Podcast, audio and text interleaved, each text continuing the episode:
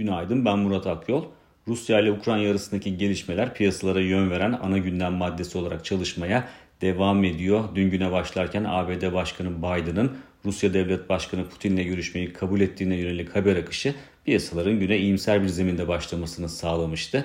Ama Rusya'dan gelen açıklamada herhangi somut bir gelişmenin olmadığının belirtilmesi risk iştahının doğal olarak ivme kaybetmesine neden oldu. Bunun yanında gün içinde e, sınır bölgesinden çatışma haberlerinin gelmesi piyasalarda satış baskısının hızlanmasına neden oldu ki Rusya borsasında e, %15'e varan gün içinde değer kayıpları yaşanması dikkat çekti. E, yurt dışındaki bu sert satış baskısına karşın BIST endeksinin oldukça dirençli bir e, tablo ortaya koyduğunu ve günü sınırlı da olsa artı bölgede kapatmayı başardığını görüyoruz.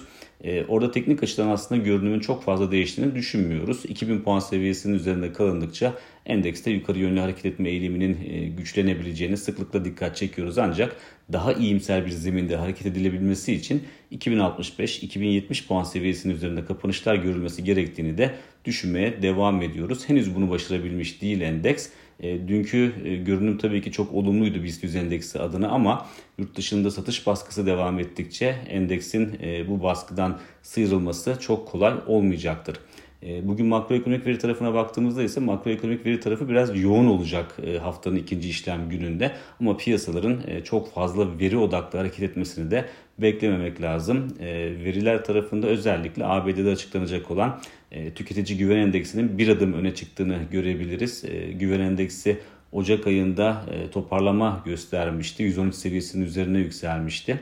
E, ancak pandemi öncesi dönemle kıyasladığımızda hala e, çok gerilerde kalmaya devam ediyor. Pandemi öncesinde 130 seviyesinin üzerinde seyrediyordu.